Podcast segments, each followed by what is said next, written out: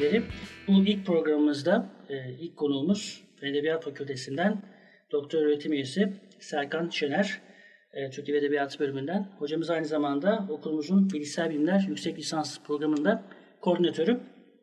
Kendisiyle bugün e, aslında çok genel bir konu hakkında mümkün olduğu kadar daralmaya çalışarak konuşacağız. Konumuz dil, dil nedir? E, dilin doğa, kültürle olan ilişkisi ve daha sonraki e, devam programında da e, dil bilimi üzerine, lingüistik üzerine konuşacağız. Hocamız Ankara Üniversitesi Dil Bilim Bölümünden mezun. E, yüksek lisansını da yine Ankara Üniversitesi'nde yaptıktan sonra ikinci bir yüksek lisans için Connecticut Üniversitesi'ne gidiyor. Yine dil bilim alanında çalışmak üzere. Orada doktora ve hatta post doktorasında yine dil bilim alanında Connecticut Üniversitesi'ne bitirdikten sonra Türkiye'ye geliyor. Sanırım Türkiye'de üniversitemizde çalışmaya başladım. Evet. Ve o günden de buradasın. Evet. Serkan Hocam şöyle bir şekilde başlasam. Dil nedir sorusu.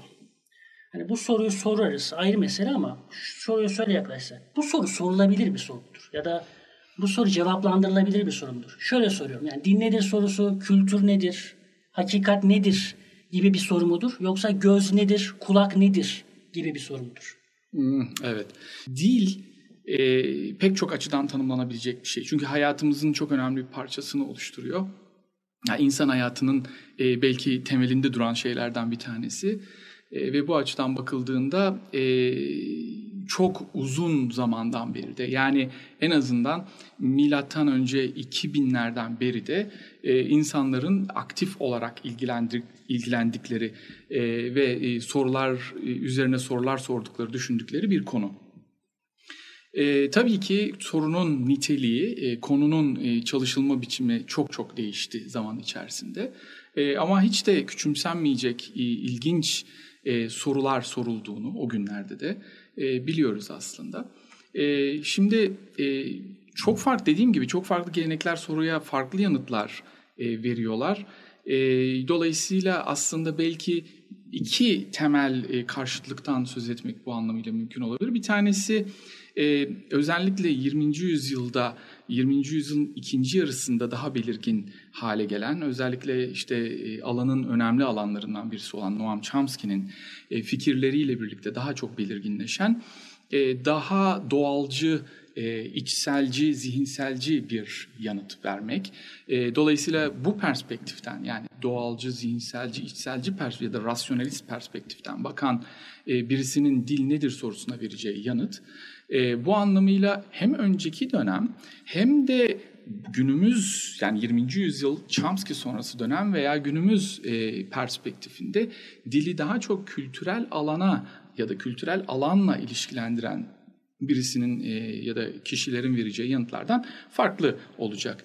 E, burada belki e, spesifik olarak mesela e, Chomsky gibi birisinin soruya e, ne tür bir yanıt verdiğinden bahsedebiliriz.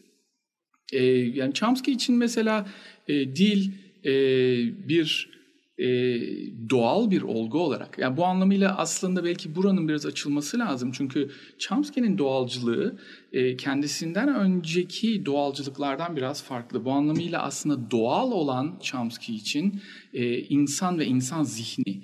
Yani Chomsky bir bakıma dili aslında insan zihninin bir parçası. Hatta e, belki e, bu tür bir e, analojinin e, ciddi aynı zamanda tartışmalar açtığı gerçeğini e, not ederek söylemek lazım ki e, Chomsky'ye göre dil aslında bir organ olarak da düşünülebilir. Bir organ gibi de görülebilir. O zaman şöyle söyleyeyim. 19. yüzyılın daha anatomist yaklaşımlarından nasıl ayrışıyor evet. Chomsky? Şimdi o açıdan bakıldığında onu belki aslında vurgulamak lazım. O açıdan bakıldığında dili doğal dünyaya ait bir şey görmekle e, insan üzerinden doğal, insan zihni üzerinden doğal dünyayı gör, ait bir şey olarak görmek arasında fark var.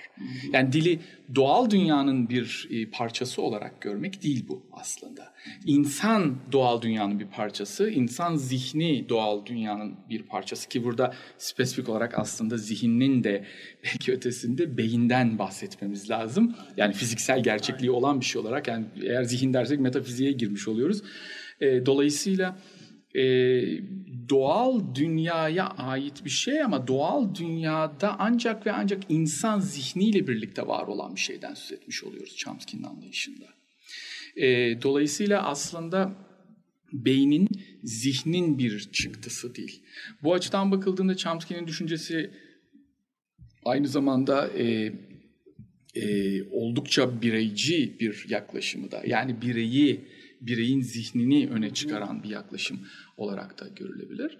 Ve e, tabii ki e, önceki dönem yaklaşımlarına e, ciddi göndermeler yaptığı söylenebilir Chomsky'nin. Yani kendisinden önceki yaklaşımlara bir reaksiyon olarak çıktığını söylemek mümkün ama aynı zamanda kendisinden çok önceki dönemlerde var olan bazı önemli fikirlere de referans yaparak ve onların üzerine inşa ederek gittiğini söyleyebiliriz Chomsky'nin. Bu anlamıyla e, özellikle mesela e, orta çağın orta çağın sonları işte Rönesans e, ve aydınlanma dönemi felsefecilerinin düşünürlerinin ve aynı zamanda e, mesela e, Port Royal Grammar Okulu, dil, dil bilgisi okulu gibi e, özellikle Descartes'in e, kartezyen düşüncenin üzerine inşa edilmiş olan fikirleri aslında kendisine esas olarak aldığımız aldığını söylemek mümkün. Hatta e, Chomsky'nin mesela e, Cartesian Linguistics, Descartes'çı Dil Bilim adında bir kitabı da vardır. E, dediğim gibi bu aslında e, bir bakıma e, Chomsky'nin e, dili e, bireysel, zihinsel bir şey olarak görmesiyle yakından ilgili ve aynı zamanda da e, dilin yapısal, biçimsel özelliklerinin e, evrensel niteliklerini anlama çabasının e, dilsel araştırmanın, dil bilim araştırmanın merkezine konması gerektiği e, fikrini esas alıyor. Burada Chomsky'nin kullandığı birkaç tane mesela çok bilinen e, terim diyeyim, terimler var. Universal grammar gibi, evrensel grammar Evet, ya da evet. işte language acquisition device gibi. Evet. Bütün bunların senin dediğin gibi her insanda bireysel olarak ve bilişsel kapasite olarak Evet. var olduğunu Evet. düşünüyor ve dilin bu hani bir metafor olarak söyleyelim organlar ya da bu yetiler sayesinde evrensel olarak tanımlanabilir, açıklanabilir bir şey olduğunu söylüyor. Evet. Yani çok derinlere inmeden kısaca bunlardan bahsedebilir miyiz? Yani Tabii. Ne kastediyor evrensel gramer Tabii. derken? Yani şimdi şöyle aslında e, yani evrensel dil bilgisi muhtemelen e, dil biliminde en çok istismar edilmiş terimlerden bir tanesi. Onu söyleyeyim. Yani e, şu şu e, aslında daha önce bahsettiğim işte e, mesela e, Roger Bacon'ın e, yani şey Orta Çağ'ın son, e, sonlarına doğru Orta Çağ'ın içinde olduğu dönemler de düşünülebilir. Yani 1200'ler 1300'ler. E, mesela arkasından e, Port Royal Grammar Okulu'nda evrensel dil bilgisi diye bir kavram var. Bunlar tabii dile çok felsefi bir yerden bakıyorlardı. Yani kabul etmek lazım ki bizim bugün anladığımız anlamıyla bir dil bilim anlayışı henüz ortada yok. Çünkü biz bugün diller hakkında çok şey biliyoruz. Filolojinin içinden konuşuyorlar. Ee, evet, filo- yani şöyle aslında e, filolojinin bile e, daha oralarda olmadığını söyleyebiliriz bugün anladığımız anlamıyla. Yani daha çok belki geleneksel dil bilgisi anlayışı var ve geleneksel dil bilgisi aslında daha çok klasik. Evet evet evet. Yani hocam? aslında oralara kadar götürülebilecek ya da işte illaki batıda değil aynı zamanda doğuda Hint'e kadar götürülebilecek çok önemli mesela dilciler var. Panini diye bir e, mesela Hint dil bilgisi uzmanı var. Bugün hala hayranlıkla bakılan bir dil bilgisi ekolü geliştiriyor. Onun üzerine dayalı 12 ayrı dil bilgisi ekolü binlerce dil bilgisi kitabı var. Ta kaç yıllarında? Yani e, Panini e, milattan önce 4-5. yüzyıllardan bahsediyoruz. Evet yani aslında Antik Yunan'da aynı Tabii dönem. tabii Antik Yunan'la aynı dönemler aslında. İlginç de bunların birbiriyle tanışmaları çok geç. Yani şöyle çok geç. Resmi anlamda bu tarafta yani Hint tarafında da mesela bir geleneğin olduğunun batı tarafından anlaşılması e, oldukça zaman alıyor. E, ya hatta şöyle söyleyeyim e, neredeyse işte Rönesans'a falan kadar ki. Zaten- Ya ne zaman seyahatler başlıyor işte o tarafta bir şeyler olduğu anlaşılıyor vesaire. Neyse e, sonuçta aslında e, bu fikirler çok yeni değil. Ama tabii Chomsky'nin aslında kastettiği yani evrensel bilgisinden kastettiği şey e, dil kapasitesinin evrenselliği. Yani Chomsky spesifik olarak dillerin evrenselliğinden bahsetmiyor. Bu anlamda bakıldığında tabii ki eğer dil kapasitesi evrensel bir şeyse yani insan her insan bir dil kapasitesiyle doğuyorsa işte language acquisition device dil edinim aracı diye çeviriyoruz Türkçe'ye en azından ben öyle çeviriyorum. Dil edinim aracı dediğimiz şey de mesela e, evrensel dil bilgisi de aslında bunlar birbirine çok yakın kavramlar aslında paralel şeyler olarak düşünülebilir. Biz bunlarla doğuyoruz ve bunlar bizim herhangi bir dili maruz kaldığımız hangi dil olursa olsun bu.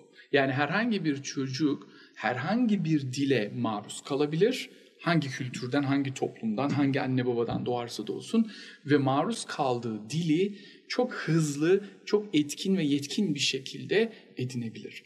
Chomsky'ye göre bu kolaylık eğer herhangi bir yönlendirici prensipler e, e, koleksiyonundan bahsetmiyorsak insan zihninde olan. Chomsky'ye göre bunun hızının, yetkinliğinin ve dahası çevrede konuşulan dilin e, çok benzeri bir şeyin çocuk tarafından ediliyor olmasının imkansız olduğunu söylüyor baştan beri.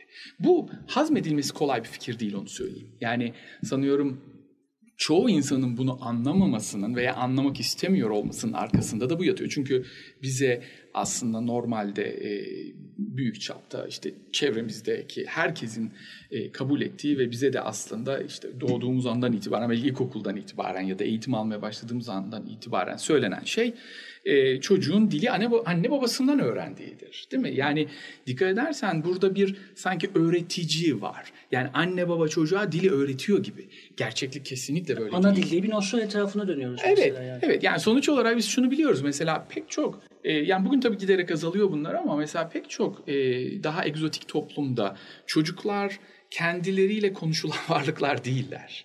Yani çocuk belli bir yaşa gelmeden aile tarafından çok da zeki bir varlık olarak algılanmıyor ve çocukla konuşmaya değer görmüyor aile. Mesela şimdi biz batı toplumlarına baktığımız zaman şunu görebiliriz. Diyebiliriz ki işte anne baba çocuğu sürekli düzeltiyor, onunla sürekli konuşuyor, iletişim kuruyor. Güzel. Evet doğru.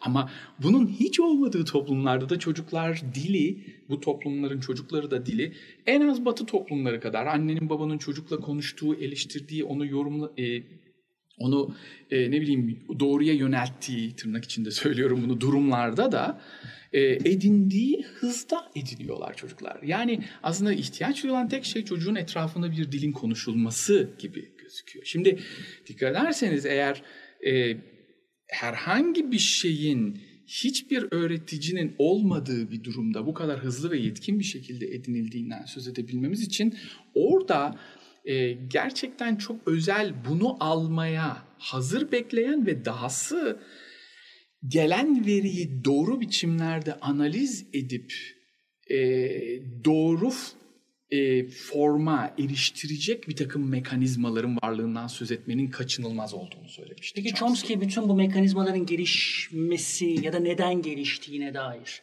ya da bütün bu mekanizmaların evrimsel süreçte, insan evrimsel yolculuğu içerisinde hangi aşamada ortaya çıktığına dair söylediği bir takım şeyler var mı? Mesela tamam bir evrensel dil bilgisinden bahsediyor ama bir yandan da hani bazı röportajlarında işte Mars'tan biri gelse dünyada tek bir dil konuşuluyormuş gibi gayet duyabilir, anlayabilir, hissedebilir diyerek bir tek dil. Yani evrimsel süreç içerisinde gelişmiş evet. bir tek dilli de ima eden bir takım şeyler söylüyor. O bağlamda hani tabii ki filolog değil Noam Chomsky ama hani dilin bir yetisi, bir beceri, bir bilişsel beceri olarak insanın kendi biyolojik evrimi içerisinde hangi aşamada nasıl çıktığına dair gelen sorulara verdiği cevaplar neler? Ya da bununla ilgili olarak bir şey koyuyor mu? Evet yani aslında bu şunu rahatlıkla söyleyebilirim hemen başlangıçta. Yani bu konu muhtemelen e, Fransız Akademisi'nin 19. yüzyılda bu konuların konuşmasını yasaklamış olmasını gerekçelendirecek kadar spekülatif ve aslında zor bir konu. Yani bu açıdan bakıldığında e, çok farklı fikirler var. Şu da bir gerçek. Bugün artık bazı meseleler farklı şeylerden çalışılıyor. Farklı yerlerden, farklı perspektiflerden çalışılıyor. Tabii ki bugün artık e, yani e, elimizdeki araçlar bundan 50 yıl öncekine göre bile çok fazla. E, ama ciddi bir perspektif değişimi yaşandı bu açıdan. Onu söyleyebilirim. Ya bu yani, artık o kadar gerekli bir soru değil mi yani? E, yo hayır bu her zaman gerekli bir soru. Keşke bir zaman makinemiz olsa ve buna ilişkin bir fikir edinebilsek. E, ama şöyle şunu demeye çalışıyorum yani sonuç olarak aslında bu konuda konuşan herkes e, ya söyledikleri oldukça güzel, yüzeysel olarak alınması gereken şeyler ya da e, çok ciddiye alınmaması gereken şeyler olarak düşünülmeli. E, bugün geldiğimiz nokta tabii ki tabii ki söylenen daha aklı başında şeyleri e, gerçek anlamda zırvalıklardan diyelim ayırmak lazım. Çünkü dediğim gibi yani Fransız Akademisi'nin bunu yasaklamasının sebeplerinden bir tanesi o. Çünkü e, ciddi bir şekilde üretken bir tartışmanın üret, ortaya çıkamadığı bir tartışma alanı haline dönüşüyor bir noktada. Herkesin kendi teorisi var e, dilin nasıl evrildiğine dair. E, Chomsky'ye geri dönersek, hı hı. E, Chomsky spesifik olarak aslında e, tabii ki yani bir e, zihinselci ve özellikle de biyolojinin bütün tartışmasının merkezinde olduğu yani dilin biyolojik yönünün aslında tartışmasının ve teorisinin merkezinde olduğu gerçeğini kabul ettiğimizde e, tabii ki evrimsel boyut yani biyolojik evrim sonucu olarak boyutunu e, çok önemsiyordu. Fakat e, dediğim gibi yani orada çok detaylara girmeden şu söylenebilir belki. E, Chomsky herhangi bir e, yetinin özellikle de e, dil yetisi gibi belki de insanın en kompleks yetisinin e, öncelikle beyinde yaşanan ya da genlerde dolayısıyla da beyinde yaşanan mutas, mutasyonların sonucunda ortaya çıkmış olması gerektiğini söylemiştir. Yani aslında Chomsky bu anlamıyla klasik Darwinci düşünceyle uyumsuz ama daha yeni dönem Darwinci yani neo Darwinci veya işte Evo Divo diye adlandırılan hmm. yani evrimci ve gelişimselci ekolden olanlarla aslında daha yakın durduğu söylenebilir. Yani klasik Darwinci derken işte e, bu anlamıyla kesintisiz bir gelişim e, evrimsel dilin de kesintisiz bir gelişim yani bir evrim sonucunda ortaya çıktığı fikrini aslında Chomsky ilke olarak kabul etmiyor. E, dolayısıyla burada asıl kavga da zaten burada çıkıyor diyebiliriz. Ya açıklamak için yani daha Hı-hı. biraz daha netleştirmek için şöyle bir soru sorayım. Yani Chomsky şuna karşı mı çıkıyor? Sapiens bir e, yere geldi. Ya işte bir tabii bu da çok hani kültür içi bir soru aslında. Nereye geldi, nereye gidiyor vesaire. Ama hani biyolojik evrimi bağlamında işte bir e, kendisine bir alan açtı ve o alandaki bir takım bir doğa içerisinde yaşıyor. Bu doğadaki bir takım zorlukları aşmak bağlamında e, bu yeteneği geliştirdi ve bu yeteneği geliştirdiği için de bunları aşıp işte Afrika'dan çıkarak işte günümüzdeki e, dominyonuna sağladı demiyor da evet. bir noktada bu gelişti ve bu geliştikten sonra evet. bunları evet. kazandığı için çıktı ve bütün bu dominyonunu sağladı diyor. Evet evet aynen öyle. Yani Chomsky için e, kültürel alan e, hiçbir zaman zihinsel alandan dolayısıyla birey, bireysel, e, zihinsel ve biyolojik alandan önce gelemez. Sonuç olarak herhangi bir işlevden söz ediyorsak, herhangi bir fonksiyondan söz ediyorsak bunun zihinsel bir karşılığının olması gerekliliği, bireysel bir karşılığı, e, biyolojik bir karşılığı olması gerektiğini düşünüyor. Ve sonuç olarak aslında bütün bu evrensel dil bilgisine bu anlamda geri dönebiliriz. Bütün aslında evrenselliğin arkasında da humankind yani insan türünün aslında homo sapiens'in aslında toptan bu tür bir mutasyonu yaşamış olması olduğunu düşünüyor. Yani dolayısıyla aslında bizim bugün e, diller dediğimiz şeylerin bu anlamıyla kültürel bir ürün olduğu fikrini aslında reddetmiş oluyor. Yani insanlar kültürel olarak dili yaratmadılar. Dil zaten sahip oldukları biyolojik, genetik, beyinsel, zihinsel özelliklerin bir sonucu olarak ortaya çıktı. Ha bu şu demek mi? Yani kültürel alanla hiçbir etkileşim tabii ki hayır. Tabii ki kültürel alanla bir etkileşim, etkileşim yaşanmaksızın böyle bir şeyin e, gelişmesinden söz etmek e, söz etmek mümkün değil. E, yani bu anlamıyla kültürün bir fonksiyonu olduğu, bir rol oynadığı muhakkak. Ama sonuç olarak Chomsky eğer e, herhangi bir durum varsa karşımızda ve e, biyoloji ile kültür arasında bir karar vermemiz gerekiyorsa, yani burada bir çatışma varsa biyoloji ve kültür arasında açıklama modelleri açısından her zaman biyolojinin tarafında yer almalıyız diyen birisi. Biyolojinin tarafında yer almamız gerektiğini söylüyor. Belki de karmaşa şuradan doğuyor olabilir. Yani evrimsel senaryoda bak, baktığımızda dil çok çok taze bir şey. Yani çok yeni doğru, bir şey. Yani doğru. çok doğru. Yani bir yani bütün hikayede 24 saat indirse belki son bir dakika üzerinde Aynen. da olmuş bir takım şeyler üzerine konuşuyoruz. Kültür bu bir dakikanın da belki son ne diyeyim artık 10 saniyesi mi diyelim 15 hmm. saniyesi mi diyelim öyle bir şey. Evet. E, ama bir yandan da bizim için çok uzun süreler işte 10 bin yıl, Tabii. 15 bin yani yıl. insan ömrü düşünüldüğünde. Kıyaslandı çok uzun süreler. Yani kültür bize çok uzun geldiği için ve bütün bu kültür içerisinde çünkü kültür dairesi içerisinde dillerin de bir yandan muazzam bir çeşitlenmesi oldu. Ya bunun üzerine muazzam alanlar var. İşte filoloji, artık modern filoloji tamamen bu çeşitliliğin anlaşılması, açıklanması üzerinde vesaire çalışıyor. Eskeza konuşacağız belki birazdan. Linguistik meselesinden de burada e, kendisine bir alan açıyor. Ama hani Chomsky'nin bakış açısıyla baktığımızda bu çok da önemli bir şey değil. Asıl meselenin yanında belki. Çünkü Hı. orada daha uzun süreli ve daha büyük bir e, işte mutasyon, genetik belki bir mutasyon var. Evet. Ve bunlar o mutasyonun sonuçları. Evet. Yani o çok böyle ikincil sonuçları belki de. Evet. Ama yani e, dediğim gibi şimdi burada şunu e, belki söylemekte fayda var. Yani e, bu aynı zamanda e, bir e, yöntem bilimsel metodolojik tercih olarak da düşünülmek zorunda.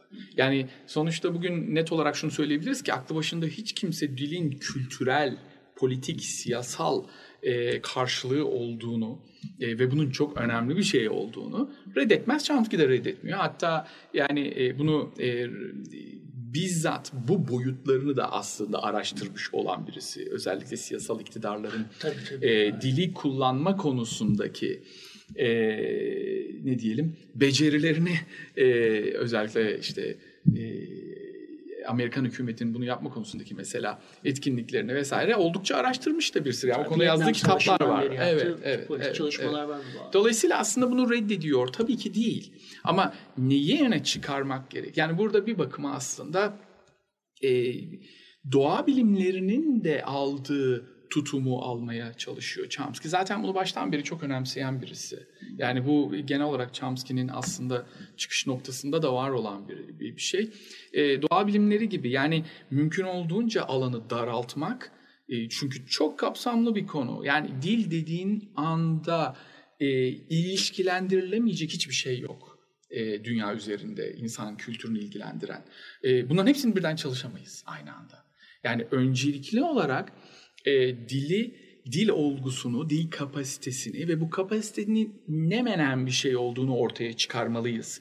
Temel sorunsalıyla aslında bu işe girmiş olmasıyla ilgili. E, bugün tavrının belli konulardaki tutumunun e, az da olsa değiştiğini düşünüyorum. Yani yaklaşımlarının değiştiğini düşünüyorum. E, ama diğer yandan tabii ki yani bir bilim adamı böyle bir tavır takındığı zaman bir başka bilim adamı buna karşı çıkıp kendi yaklaşımında ilerleyebilir ki zaten aslında öyle de oldu. Yani Chomsky'nin e, dil bilimde bir devrim yaptığı, dil çalışmalarında bir devrim yaptığını söyleyenler kadar e, Chomsky'nin e, dil bilimde, dil bilime e, belki de verilmiş en büyük zararı vermiş kişilerden birisi olduğunu düşünen çok sayıda da insan bulabilirsiniz. Önemli, Nedir Chomsky'ye mesela gelen en, en majör eleştiri ve hakikaten de hani e, en ciddiye alınabilecek en majör eleştiri. Yani te- teknik olarak bakıldığında aslında çok şey var tabii ki. Yani çok şey var. Bunların hepsi kendi e, başına aslında temel esas majör e, eleştiriler olarak düşünülebilir ama e, normalde Chomsky'nin yaptığı mesela bazı ayrımlar ki bunlar e, Chomsky'nin genel bakış açısının açısından çok önemli, bakış açısı açısından çok önemli e, ayrımlardı. Mesela e, competence ve performance. Yani bizim edinç ve edim diye e, çevirdiğimiz bir karşıtlık vardır Chomsky'de. Ki Chomsky aslında bunun farklı versiyonlarını, farklı biçimlerini e, sonraki senelerde e, tartışmıştır. E, ortaya yeni terimler, kavramlar da atmıştır bunlarla ilişkilendirilebilecek türde. Ama mesela edinç büyük çapta aslında bu konuştuğumuz e, evrensel dil bilgisi kavramıyla ya da dil kapasitesiyle ilişkilendirilebilecek bir şeydir. Yani bir bakıma e, ana dili konuşucusu olan birisinin e, sınırsız sayıda, ilke olarak sınırsız sayıda yeni cümleler, tümceler üretebilmesine ve diğer insanların da bunu anlayabilmesine imkan tanıyacak bir yetiden, bir e, bilgiden söz ediyoruz edinç dediğimiz zaman. Chomsky e, bunun dışa vurumunun bundan farklı bir şey olduğunu düşünür. Yani bu bilginin, bu sahip olduğumuz bilginin dışa vurulduğu her durumda aslında bu bilgiden belli biçimlerde uzaklaştığını kabul Derrida'nın eder. diferans kavramını buna biraz hatırlattı. Yani Ee, işte zihinle dil arasındaki kapanamayacak Hı hı. şey, boşluk. Evet. Yani e, e, yani belli bir oranda onunla ilişkilendirilebileceğini düşünüyorum. Fakat Chomsky için burada spesifik olarak e, dili e, Chomsky sadece dışarı vurulan yani speech, konuşma ile ilişkilendirmediği için Chomsky için dil aynı zamanda zihinde olan bir şey. E, bir yeti olarak zihnimizde olan bir şey ve bir dile maruz kaldığımız zaman herhangi bir dile maruz kaldığımız zaman işte 2-3 yıl içerisinde var olan kapasiteyle e, e, karşılaşılan uyaran ya da veri e, bir araya geliyor ve bu aslında e, ana dili konuşucusunun sahip olduğu dili e, yaratıyor. Değil mi? Yani spesifik bir dil bilgisi bu. E, bunun dışa vurulduğu durumda e, dışa vurulmasını mümkün kılan çok sayıda başka sistemle etkileşime girdiğini kabul etmek zorundayız. Bu anlamıyla performans edim kavramı aslında sadece dili ilgilendiren bir şey değil. Aynı zamanda çok sayıda işte dediğim gibi yani ilgi, beyindeki ilgili merkezlerin mesela çalışmaya başlaması gerekiyor dışarı dışa vurmak için. E, tam da bu anlamıyla aslında mesela Chomsky'nin düşünce sisteminin yaptığı öngörülerden bir tanesi e, şeyin e, konuşulan diller dışında başka dışa vurma kanallarının da olması gerektiğidir tam da. Yani mesela 1950'lere kadar e, bugün bizim anladığımız anlamıyla işaret dillerinin doğal diller olduğu kabul edilmiyordu.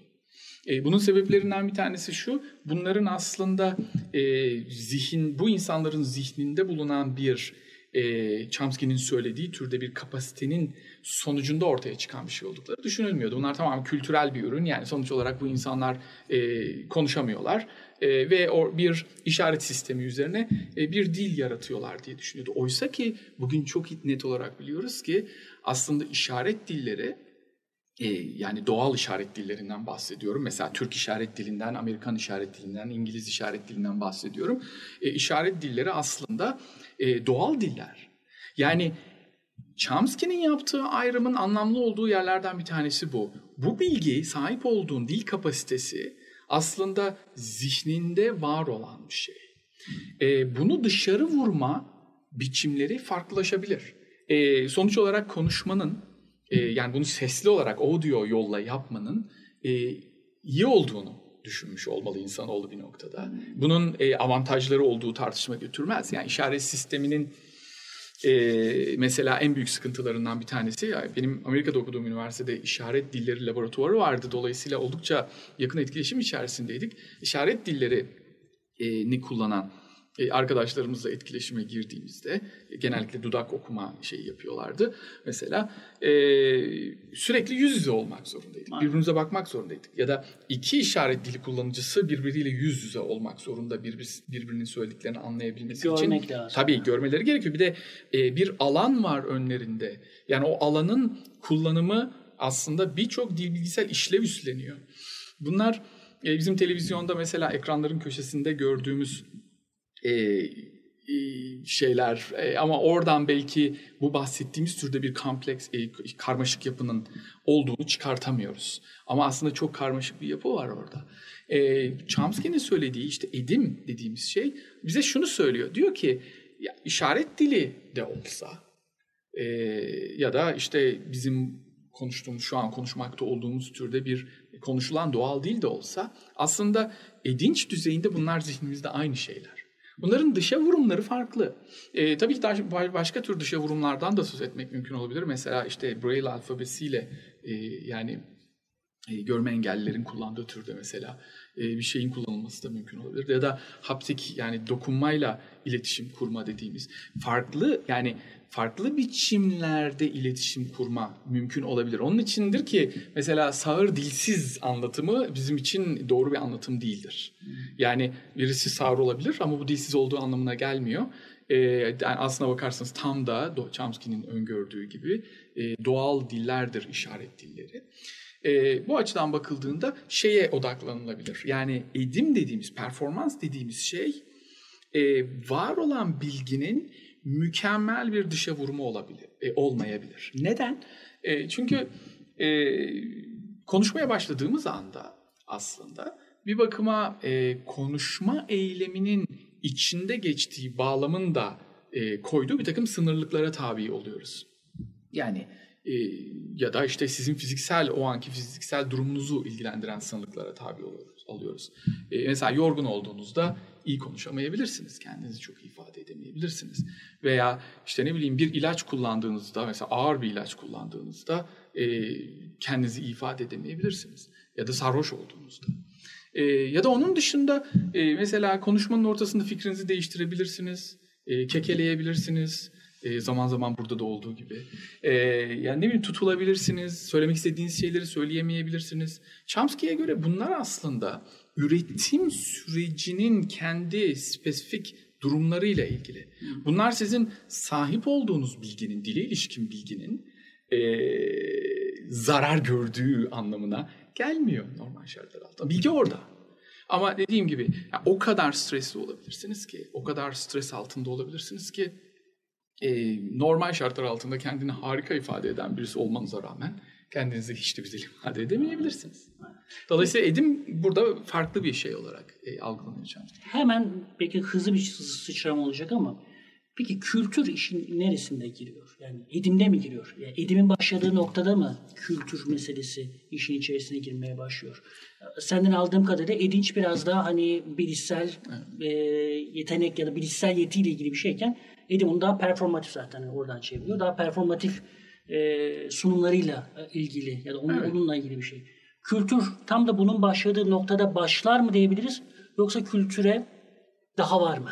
Evet. Yani şimdi aslında e, en başta sorduğun sorunun yanıtını verme noktasında belki bir şeyler söylenebilir öncelikli olarak. Şöyle ki e, dediğim gibi Chomsky dili işte zihinsel içsel bir şey olarak tanımladığı zaman aynı zamanda dilin yapısına odaklanmanın gerekliliğini vurguluyordu. O vurguladığı şeylerden bir tanesi, başka şeylerden bir tanesi de şuydu. Dil öncelikli olarak iletişimsel amaçlar için var olmuş bir şey değildir. Yani dilin iletişim işlevi aslında dilin işlevlerinden birisidir. Ya bugün tartışmasız. TDK'nın sözünü açsak din nedir diye kesin orada iletişim işlemini önceliğe alan bir tanımla evet, tabii, tabii. Bir iletişim yani. yani sokaktan herhangi birisini çevirsek sorduğumuzda bize vereceği yanıt büyük ihtimalle dil bir iletişim sistemidir olacaktır. E, ve bunu bunu reddetmek imkansız. Yani teknik olarak bakıldığında dilin gerçekten muhtemelen en büyük işlevi, en çok kullandığımız işlevi e, iletişimsel işlevleri. E, fakat tabii bu Chomsky'nin e, perspektifinden e, otomatik olarak dilin e, iletişimsel amaçlarla, iletişimsel işlevlerle ortaya çıktığı e, anlamına gelmiyor. E, hatta Chomsky e, bu konuda da ciddi, özellikle evrimsel çalışmaların buradan yola çıkmasına, yani dilin iletişimsel bir şey olarak ortaya çıktığı iddiasında da çok e, ciddi mesela bir muhalefet yapmıştır başlangıçtan 19. beri. yüzyılın en popüler teorisi buydu. Evet. Bütün dil teorilerinde işte bir evet. takım insan organizmasının kültürel kompleksitesini geliştirmekle uyumlu bir iletişim kompleksitesi evet, geliştirme evet. falan filan filan. Evet evet. Yani sonuçta e, ama diğer yandan e, dediğim gibi yani e, sonuçta dili biz çok başka işlevlerde de kullanabiliyoruz. Kullanıyoruz hatta. Yani e, hiç kimse yokken dili e, mesela e, akıl yürütmek için, düşünmek için kullanıyoruz. Ya da planlar yapmak için kullanıyoruz kullanıyoruz. Yani bir bakıma e, sistematik pek çok etkinliğimizi aslında dile dayandırıyoruz. Bu şu demek değil, onu söyleyeyim. Yani e, dilsiz düşünce yoktur demek değil. E, ama düşüncenin daha sistematik olduğu her durumda dilin işin içine girdiğini söylemek mümkün olabilir. Bu anlamıyla aslında gene işte daha eski dönem e, felsefecilerinin de e, aklında olan şeylerden bir tanesi e, öne çıkartılmış oluyor burada. Yani iletişim e, tabii ki tartışmasız önemli bir işlev e, dil için e, ama e, tek işlev değil ve aynı zamanda temel var dilin temel varoluş motivasyonu kaynağının iletişim olduğunu söylemek için elimizde yeterli kanıt yok aslında. Düşünme Şimdi, diyebilir miyiz peki? E, Buradaki temel şey e, iletişim değil ama düşünmedir. Sanıyorum, sanıyorum Chomsky için bunun önde olduğunu söylemek mümkün olabilir. Yani bunun daha belirleyici bir şey olduğunu söylemek peki mümkün bunu genel bir soru olarak sorsak, Chomsky'den de bağımsız yani genel literatür içerisinde bir soru olarak sorsak. E, Yani sanıyorum insanlar e, genel olarak bu konuda radikal tutumlar almamaya çalışıyorlar. Bana kalırsa doğru yaklaşım da bu. Yani e, dediğim gibi dilin iletişim işlevi olduğunu reddetmek imkansız. Ama diğer yandan iletişimden tamamen bağımsız olarak düşünmek, e, fikir üretmek, işte plan yapmak e, vesaire gibi işlevlerle de kullandığımız ve en az on iletişim kadar önemli olduğu hatta bazı insanlar için belki daha önemli olduğunu da söylemek mümkün olabilir. E, sanıyorum genel yaklaşım, genel tutum ikisinin de aynı derecede önemli olduğu. Yani bu e, bir kez daha aynı şeye gelebiliriz. Yani evrimsel alanın bu soruna ya da evrimsel boyutun bu soruna nasıl bir yanıt vereceği e, konusunda şu an en ufak bir fikrim yok. Belki asla yanıtını bulamayacağım sorulardan birisi olması da mümkün. Şimdi bunu neden söyledim? Bu söylediklerimi neden söyledim? Aslında kültür ile iletişim işlevi arasında tabii ki çok net bir bağlantı var. Yani dilin aslında kültürün e, var olan, yaratılan kültürün ya insanların yarattığı kültürün e, iletilmesinde çok önemli bir rol oynadığı tartışma götürmez. Açıklama anlamında burada yani kültür deyince aklımıza hemen yüksek kültür birikimleri, hayır, takım hayır, sofistike şeyler gelmesin. Hayır. Yani Doğru. çok yani aslında çoğu zaman doğal olarak nitelendirdiğimiz Aynen. bir takım yapıp etmeler alanının Aynen. Yani çok antropolojik bir temelde kesinlikle bir şeyden öyle, bahsediyoruz. Kesinlikle öyle bir şey söylüyorum ben de. Yani sonuç olarak e, çok kültürlü insan gibi öbeklerde ya da e, şeylerde durumlarda e, kullanılan türde bir kültür değil bu tabii ki. Bu anlamıyla e, dünya üzerinde kültürü olmayan bir toplum yok. Yani o çok kültürsüz bir insan, çok kültürsüz bir toplum e, de, de, teknik olarak bakıldığında bizim için anlamlı ifadeler tabii ki değil. E, ama kültürün aynı zamanda işte yayılmak gibi bir özelliği var. Yani kültür e, sabit bir şey değil, sürekli değişen bir şey. Bu aynı zamanda e, işte dilin e, önemli bir aracı işlevi üstlendiği bir e, alan. Şimdi e, hemen gene bir, bir şey soralım tabii, yani tabii. hap sorulardan biri. O zaman dildir kültürü yaratan diyebilir miyiz? Bütün kılçıklarını, bütün şeylerini attığımızda genelleş, genellemeyi söz şey olarak, e, göze alarak. Ve alternatif gelecek bir takım minor e, şeyleri de, e, itirazları da duymamazlıktan gelmeyi evet. göz alarak. Ya işin gerçeğini söylemek gerekirse ben kişisel olarak böyle bir e, adım atmam. Onu yani rahatlıkla söyleyebilirim. Yani böyle bir e, nedenini söyleyeyim. Yani e, sonuç olarak kültür e, aynen düşünce gibi tek başına dille var olan bir şey değil. Yani biz sonuç olarak e, hayvanların bizim anladığımız anlamıyla e, bir dilleri olmadığını düşünüyoruz. E, yani onun içindir ki mesela insan dilleri derken hayvan iletişim sistemleri diyoruz. Yani bir iletişim sistemiyle doğal dili, insan dilini net olarak birbirinden ayırıyoruz. Özellikle modern dönemde bunu yapıyoruz. Şimdi bunu yaptığımız anda e, aslında hayvanların bir kültür yaratmadıklarını söylemek zorundayız ama en azından yani yüksek maymunların e, mesela belli bir kültürü olduğunu söyleyebiliriz. E, pek çok hayvanın... E, Jane Goddard değil mi? Goriller üzerine çalışan. Evet. Gelse sıkı itiraz evet, edebilir belki. Kesinlikle, yani. kesinlikle. Aynen. E, yani sonuçta e, tabii ki bu bizim yarattığımız yani insanoğlunun yarattığı kültürle karşılaştırılamayacak kadar primitif bir kültür belki. E, bunu da tırnak içinde söylemek lazım. E, ama sonuçta e, bir kültür olduğunu söyleyebiliriz.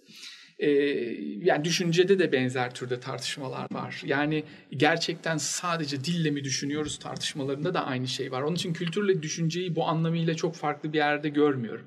E, ama şu net, yani bütün e, sanıyorum senin de gelmek istediğin nokta oydu bütün bu belki işte ayrıntıları, kılçıkları bir kenara koyarsak olağanüstü bir rol oynadığı muhakkak dilin e, kültür ve bugün bugün o rolün daha da e, ne diyelim e, büyükçül bir e, rol üstlendiğini söylemek mümkün. Yani bundan 10 bin yıl önce, 5 bin yıl önce, 1000 yıl önce ol, hatta 100 yıl önce olduğundan bile farklı bir e, rol üstlendiğini söylemek mümkün. E, tabii bunda teknolojinin ve teknolojinin bize sağlamış olduğu e, yani dili kullanarak aslında bir bakıma e, işte iletişim kurma, farklı kültürlerle etkileşime girme vesaire e, durumlarında artmış olmasının büyük bir rolü var. O, o tartışma götürmez. Peki. Hı hı. Son olarak e, bu bilişsel e, dilin bilişsellikle ilişkisi anlamındaki pası kapatmadan olarak 21. yüzyılda, 21. yüzyılda e, geride bıraktı. 20. yüzyılın çok az önce konuşmamızın çok temel bir yerinde oturan e, çok önemli bir kısmı Chomsky ve onun etrafında gelişen tartışmalar evet. e, sürdürüyor ki hala daha çok temel bir yerde şey yapıyor.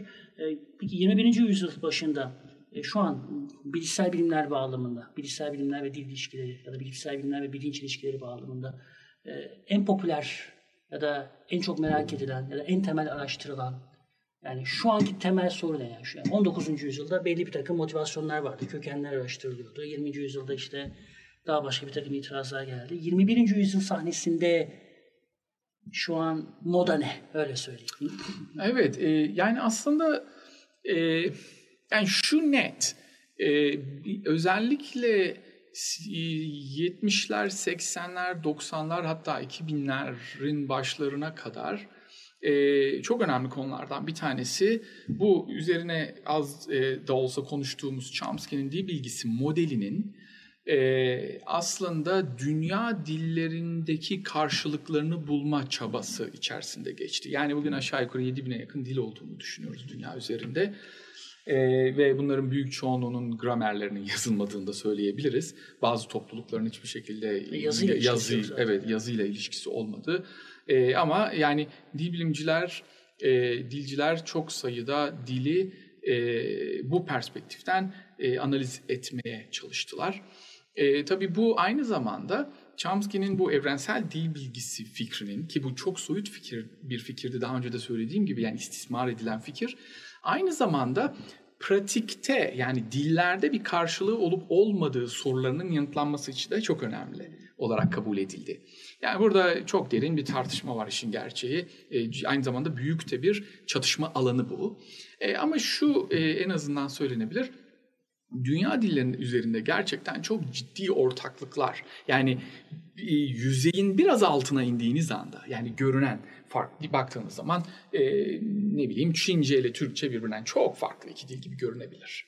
Ama bu farklılıklar ancak ve ancak uzaktan baktığınızda çok büyük farklılıklar olarak görünüyor. Bir adım aşağı indiğiniz anda aslında o kadar da büyük farklılıklar olmadığını görüyorsunuz. İki adım aşağı indiğinizde... Asla gürültü olarak gelmiyor mesela. Hayır. Bir dil konuşulduğunu evet. anında anlayabiliyorsun. Aynen Orada öyle. bir dil var. Aynen öyle. Yani tabii bu insan zihninin e, genel olarak örüntüleri yakam, yakalama olağanüstü e, becerisi, becerilerinin olduğu gerçeği de çok önemli rol oynuyor. Ama zaten muhtemelen işte bizim e, eğer bir e, dil kapasitesinden, dil yetisinden söz edeceksek onların bu e, örüntü yakalama vesaire becerileriyle, yetileriyle, yetenekleriyle de ilgili olduğunu söylemek zorundayız zaten. Şimdi 20. yüzyıl yani e, 20. yüzyılın sonuna kadar aşağı yukarı bunlar daha önemli konulardı.